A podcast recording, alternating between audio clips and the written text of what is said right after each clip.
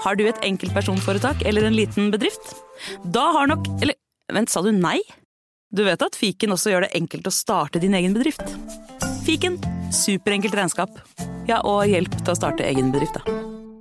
Du lytter til Ukraina-podden fra Nettavisen. Jeg heter Anders Tone Fosse, og jeg er journalist i Nettavisen. Jeg heter Jørn Trønd Henriksen. Jeg er ukrainaskribent i Nettavisen og leder av Norsk ukrainsk venneforening. Det er 596 dager siden Russland gikk til en fullskala invasjon av Ukraina, og dermed eskalerte krigen som har vart siden 2014. Siste nytt fra fronten. eh, Jon, uh, det, det skjer ting flere steder. Det gjør det, og der det har skjedd mest de siste dagene er i Avdivka, som er en forstad til Donetsk, eh, Donetsk by, eh, som er rett nord og litt vest for Donetsk. Ja, altså hvis du ser for deg Hvis du har sett frontlinjen på sånn kart, så er det der det svinger på en måte helt nede til høyre, altså ja. enkelt forklart. Ja.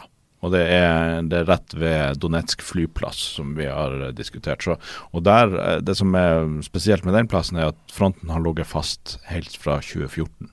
Så det er en, det er en by på rundt opprinnelig 30 000 mennesker som, som russerne har prøvd å ta siden 2014. Og De siste dagene så har russerne gjennomført et veldig stort angrep. Eh, ikke rett mot Avdivka, men rundt. Eh, de, eller de har forsøkt å angripe rundt, både sørfra og eh, østfra mot vest, for å prøve å skape en knipetangsmanøver og omringe de ukrainske styrkene der. Mm. Og Hvis du ser på kartet, så er det eh, en sånn eh, Altså, det, de er ikke, det er jo ikke rett rundt hjørnet at de omringer, men de, de er langt ut, altså på sidene, ja. begge, på begge sidene av, eh, av byen. Ja, Avdivka er allerede i en lomme, så, så det er naturlig at russerne prøver seg på det.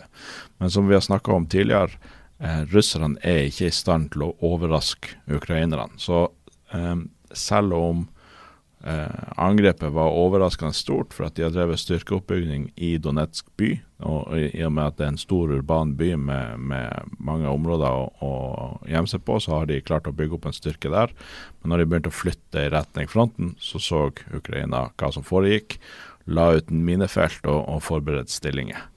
Eh, og, og, selv om den eh, russiske styrken var veldig mye større enn de forsvarende ukrainske styrkene, så, så klarte de ikke å ta mer enn et par hundre meter, verken eh, i sør eller i eh, nordøst mm. i, i den, den, offensiven. Men de har hatt enorme tap.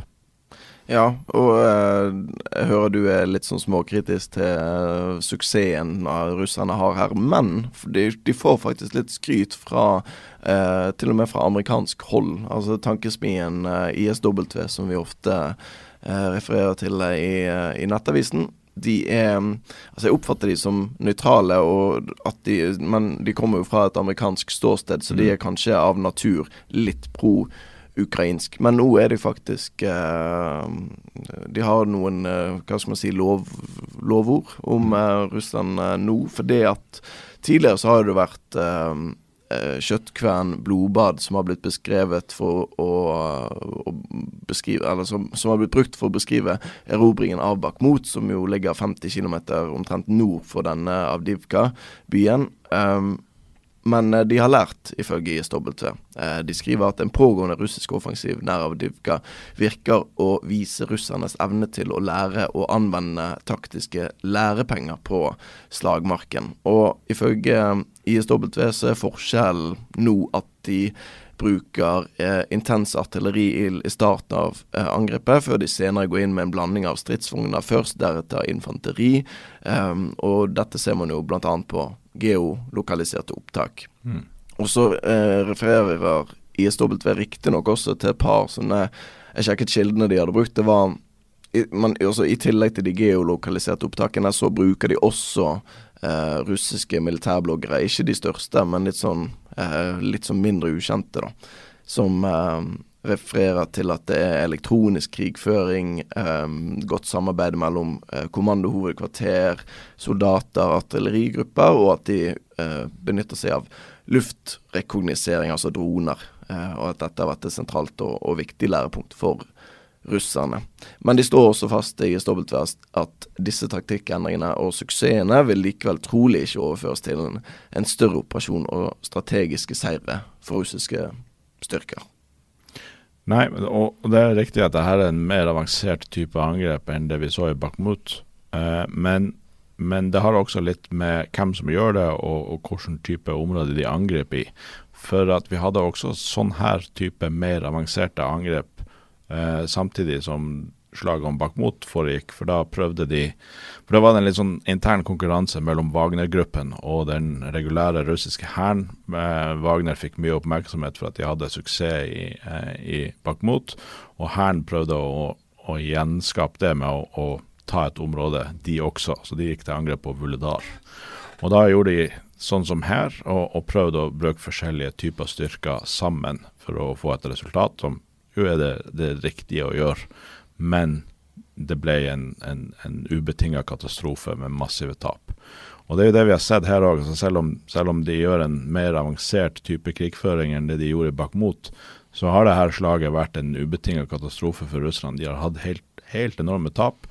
Noen beregninger sier at det er de største tapene de har hatt i et enkelt slag siden krigen begynte som er større enn det her angrepet på Vuledar som de hadde under vinteroffensiven sin, og også større enn det um, kjente uh, sånn elvekryssingsprosjektet de hadde i 2022, der de også hadde store tap. De har mista over 1000 mann, eh, godt over 100 pansra kjøretøy, eh, og kombinert med, for at det har også vært trefninger i eh, Andrivka, som man ikke skal blande av Andrivka uh, med, med, det her, men det, her, det, er rett sør for Bakhmut. Og der har de også mista mye utstyr. Så de siste dagene så har de mista ja, over 100 pansra kjøretøy uh, og rundt 50 artillerisystem. Både rakettartilleri og, og tradisjonelt artilleri. Ja. Dette ligger det bilder ute av både disse ødelagte stridsvognene, men også um, en god del sånn klasebombeangrep fra mm. Um, altså på de russiske styrkene. Ja. Som uh, det finnes både bilder og, og video som ligger ute av. Men du var inne på dette. altså Det er jo et enormt angrep dette mm. fra russernes side. Hvorfor er Avdivka så viktig? Det, det, er jo neste steg for å utvide altså, Det er jo veldig tett på Donetsk. Så det vil jo gi de noe pusterom rundt Donetsk by, som er den største byen som, som russerne holder i, i, Ukraina. Så Sånn sett er det jo viktig, symbolsk viktig også. De har prøvd å ta det fra siden 2014. Og, og så er jo det som vi snakker om, det er jo en anledning der i at det ligger i en lomme. Så det er naturlig at de prøver på en sånn type omringing. Um, så, men, men, de har mista mye folk. Det, men det er riktig at de har lært noe. De har blitt bedre på, på, særlig det her med drone, og de har veldig, fått økt kapasitet på elektronisk krigføring mot ukrainske droner. Så ukrainerne sliter nå med å fly droner langt inn på russiskholdt territorium. Tidligere kunne de gjøre det mer fritt, nå mista de mye mer droner eh, til russiske mottiltak. Um, og så Det vi også har sett som, som, ikke, som, russerne ikke har gjort så mye, er at de har brukt mye kamphelikopter i det her angrepet. Annet det kanskje det beste kamphelikopteret de har, Mi-28, som ligner litt på det amerikanske Ampasje-helikopteret. Uh, det har de det brukt i en del i begynnelsen, og så mista de en del av dem. Og så har de ikke brukt de så mye på slagfeltet for at de er såpass verdifulle at de ikke har ønska å bruke de. Um, det har vi sett videoer av at de har brukt i det her angrepet, og det har ikke vært meldt om tap av russiske helikopter enda, så de har tydeligvis hatt suksess med det, mens uh, ukrainerne har skutt ned ett jagerfly som drev med, med luftstøtte. Og Der er jo nok et eksempel på at det er um, ja, det er beklagelig at Vesten ikke har bidratt til å styrke det ukrainske flyvåpenet mer, for at eh, en F-16 med Amram-missil ville kunne utøvd nektelse over det slagfeltet, sånn at de helikoptrene eh, hadde hatt veldig mye større risiko med å operere der. Mm. Leder av byadministrasjonen i Avdivka, Vitali Barabash, eh, sa i en TV-sendt tale fredag at at uh, kampene raser for fjerde dag på rad. De er heftige og uten stopp. De, altså Russland, skyter mot oss med alt de har. Og spesielt natt til i dag, altså natt til fredag uh, 13.10, var veldig intens, i Iran. Flere luftangrep, som du var inne på, um, og angrepene skjer um, både dag og natt. Men ukrainske styrker har fortsatt kontroll. Og man kan altså, For å spekulere bitte litt, så kan det jo også være en russisk motivasjon at nå har de jo ikke tatt en by siden eh, Bakhmut, altså siden i fjor sommer. Mm. sant? Altså Det er lang tid siden de hadde en virkelig sånn suksess å vise til, i den forstand du kan kalle grushaugen Bakhmut en suksess etter, eh, etter all krigføringen som har vært der. Eh, siden fullskala invasjon startet. Mm. Uh, men, og en annen motivasjon uh, er jo også at de uh, prøver trolig å angripe for å hindre at Ukraina kan flytte styrker til andre deler av fronten. Det skriver ISV. Ukraina har midlertidig sagt at de er klar over det, og at det er usannsynlig at de sender flere soldater til denne aksen. Ja, og, og det er jo det som vi har snakka om flere ganger tidligere. Det er jo det det her litt sånn selv om fronten ikke beveger seg så mye akkurat nå, så er det det her sjakkspillet som foregår i bakgrunnen, at eh, begge sider prøver å få den andre sida til å bruke opp reservene sine. Og det, her, eh, det at russerne er under så mye press i hoveddelen av fronten, som er ved eh, Zaporizjzja-fronten i sør, retning Tokmak, gjør at nå gjør de sånne her type angrep i håp om å få ukrainerne til å dra styrker derfra og, og lette på trykket derfra. Men de har jo klart å forsvare dette området med de, hovedsakelig med de styrkene som var der fra før. Eh, og det virker ikke som at russerne lykkes med det målet heller. Og det som har skjedd de siste dagene, er jo at fra begynnelsen av når de gikk til angrep med både stridsvogner og stormpanservogner og, og, og andre pansra kjøretøy, så nå de, gjennomfører de stort sett bare infanteriangrep.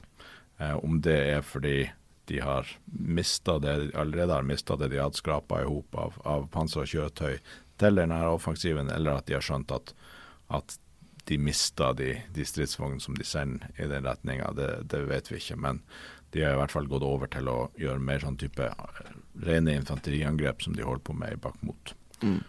Og det er en pro-ukrainsk militærblogger som eh, skriver at um, Han skryter først av moral, da. At han sier i hvert fall at moralen er høy, og at her kommer det ikke gjennom. Mm. Uh, men han sier også at, uh, eller hevder i hvert fall at uh, russerne sender inn uerfarne soldater først, og så fyller de på med mer mm. erfarne. Som jo er Igjen, dette er jo pro-ukrainsk, så mm.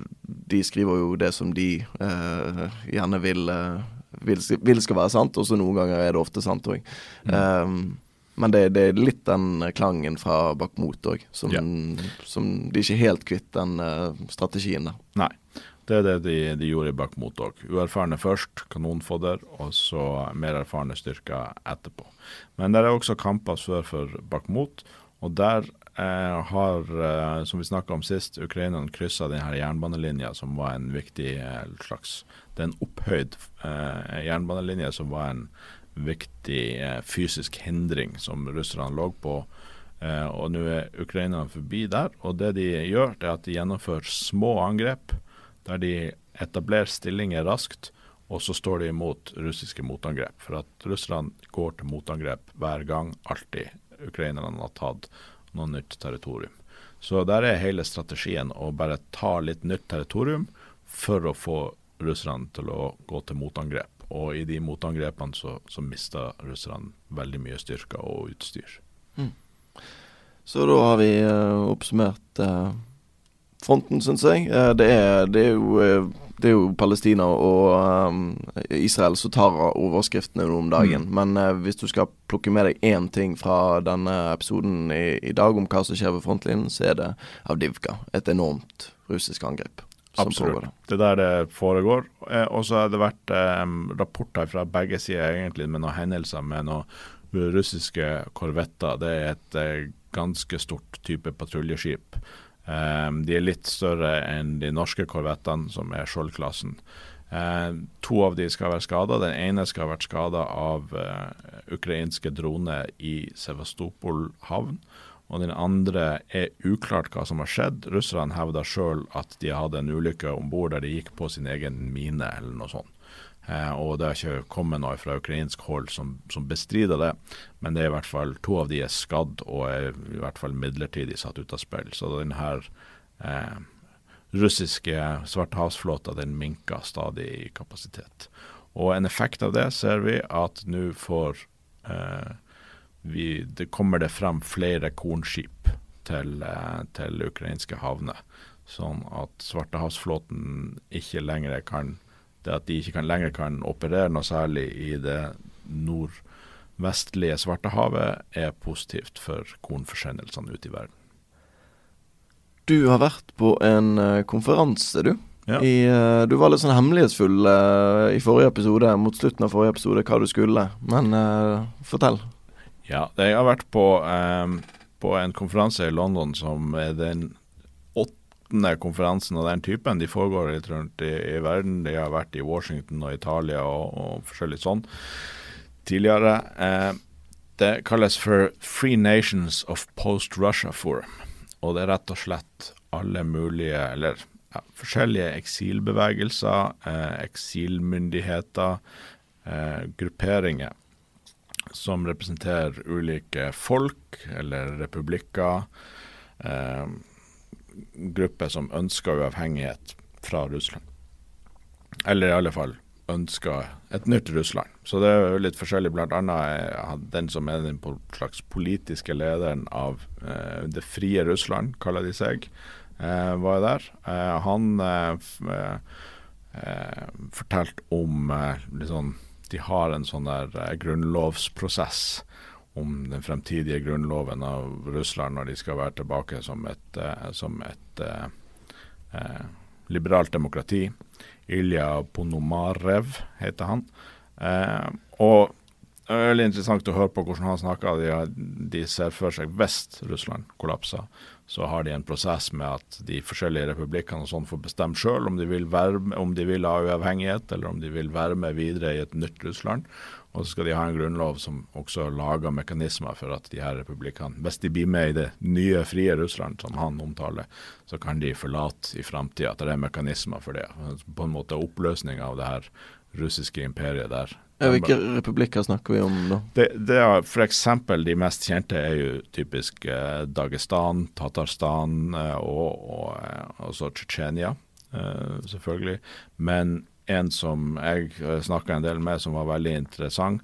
Eh, og også det flagget jeg la ut på, på Facebook og Twitter før denne episoden, et flagg. Og Det ser ut som et nordisk flagg, eh, forma med tre farger. Korsflagg samme som det norske, bare at eh, der det er eh, det dominant gult, der det norske flagget er rødt. Mm. Og det landet kalles på norsk Ingermannsland, altså Inger, ikke ingen, mm. ingenmannsland, men ingermannsland. Um, og det Han omtalte dem, han var representant derifra, han omtalte det som um, det fjerde baltiske staten, uh, som uh, ligger uh, nordøst for Estland. Og i likhet med, med, de andre baltiske landene så erklærte de uavhengighet etter første verdenskrig. Da Um, det russiske imperiet falt sammen. Men i den russiske borgerkrigen, uh, som bolsjevikene til slutt vant, så endte de opp med å bli en del av Sovjetunionen. Og uh, Stalin uh, altså de har jo gjennomført russifiseringsprosesser i alle de her republikkene, sånn at du får majoritet av russisktalende og sånn. men han sa de er blitt fullstendig russifisert, og den befolkninga som var der i utgangspunktet, som har mange linker til både Sverige og Finland, for de har også hatt kontroll over det her området tidligere, eh, er nå spredd for alle vinder. Sånn at eh, han sa at det er en slags finsklignende språket som, som, folk snakker der. Han ville anslå at rundt 2000 stykk snakker det fortsatt i dag, og at det er et språk som kommer til å forsvinne.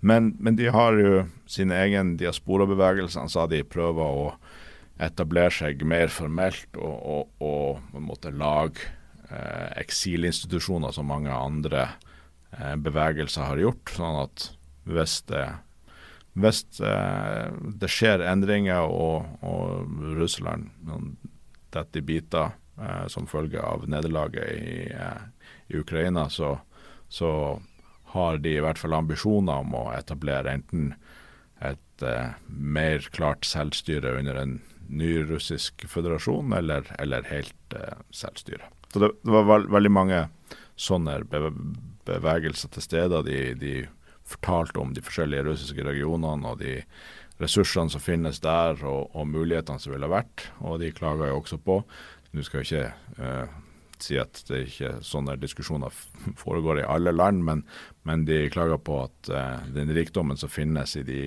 uh, i de regionene, ble jo ikke igjen i de regionene. Alt ble sendt til Moskva og oligarker.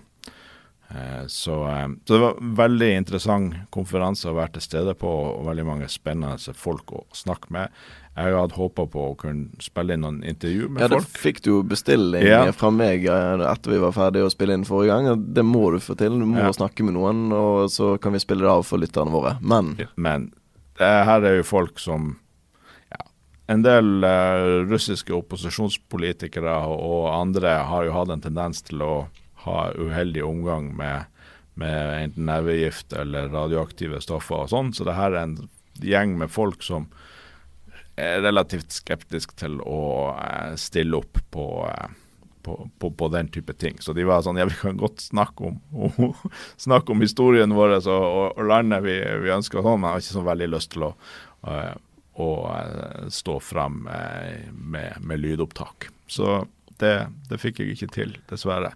Um, har gjort noen Eller uh, vi har gjort noen avtaler med folk som kanskje kan gjøre det via Teams eller uh, Zoom eller noe sånt i framtida. Så det, alt håp er ikke ute, men jeg fikk det ikke til nå når jeg var i London. Mm.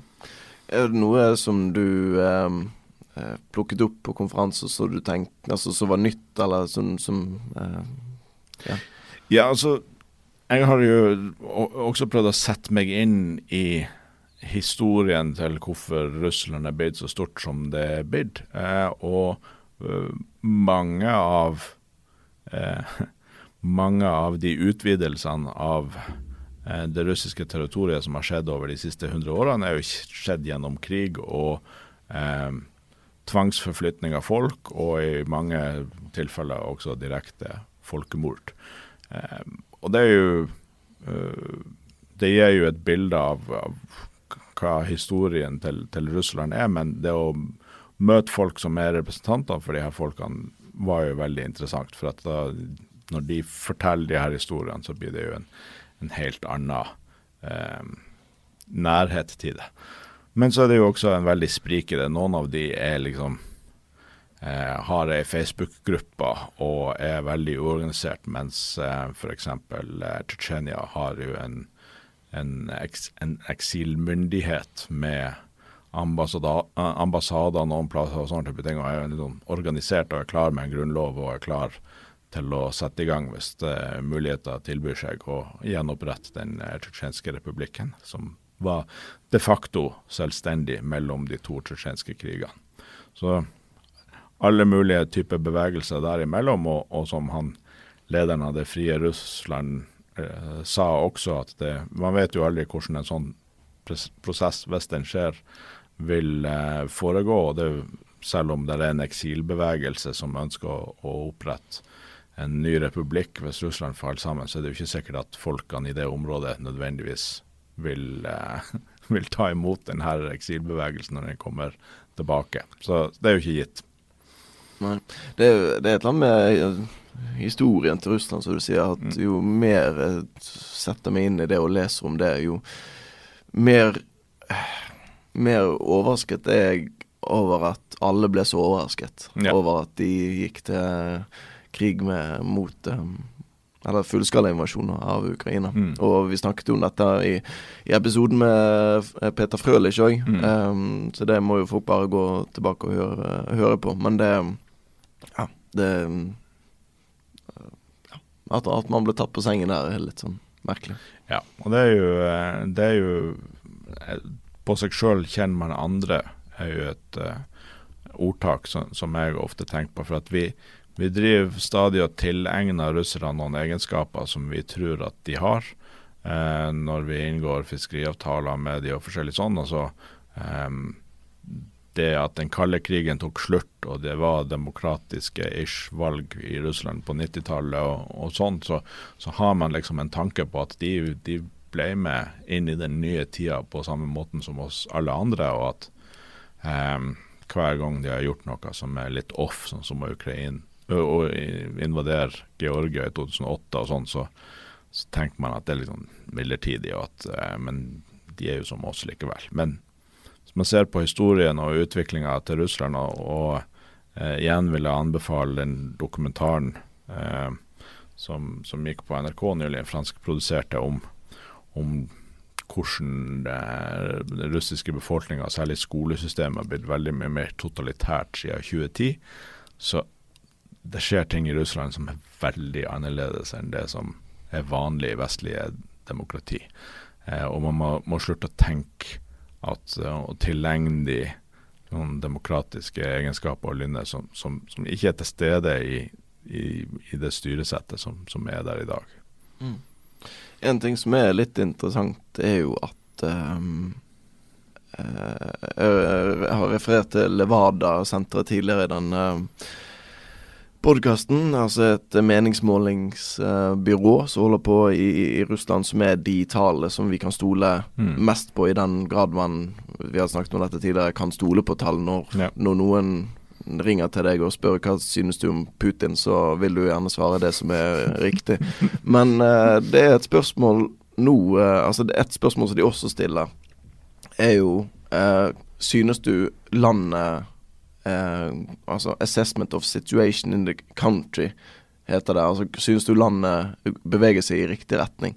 Og Der, har, der faller det akkurat nå en del, faktisk. Eh, hvor, altså fra, Hvis vi sammenligner med april, mm. så var det 68% som mente at ja, det, det, gjør det. Alt går i riktig retning. Og nå er det nede i 68, så det har falt eh, 6 eh, prosentpoeng da, på, på et eh, halvt år. Og um, men det, men det, er stadig høyere enn før um, Før um, invasjonen, faktisk. Så det er jo også noe å ta med seg. Ja. Og det kan jo være flere ting. Det kan jo være sånn at det har gått opp etter invasjonen. Det er jo sånn rally to the flag, at når det er krig, så, så støtter man opp om myndighetene. Og så kan det jo være at altså bare det antallet mennesker som har forlatt Russland eh, siden krigen starta, eh, er jo sannsynligvis også de mest kritiske røsten. Eh, og så er jo lover og regler blitt veldig mye mer totalitær siden krigen starta, så kanskje folk tør ikke å være så, så ærlige som før. Men det er jo interessant at det går ned likevel. Ja. Eh, altså, Februar 2022, altså rett før fullskalainvasjonen, 52 som mente at landet gikk i, riktig retning. Eh, mars, eh, altså måneden etterpå, 69 og um, ja, Putins uh, popularitet òg er jo gjenspeiles også der. Han er, ja. han er ganske populær mann når det, når det er krig. Da er det ja. skal man samle seg. Og riktig, riktig retning, eh, definisjonen på riktig retning på russisk da er tydeligvis utover og ekspansjon. Så. Mm. Og så falt det Det har fått én dupp siden uh, fullskalainvasjonen, og det var jo da i september uh, 2022. For hva skjedde da? Da var det mobilisering. Stemmer. Så um, det er ikke så populært. Nei. Skal vi uh, kalle det en uh, dag? Det kan vi gjøre. Og så eh, tar vi gjerne imot eh, flere lyttespørsmål til eh, neste gang. Ukrainapodden at nettavisen.no.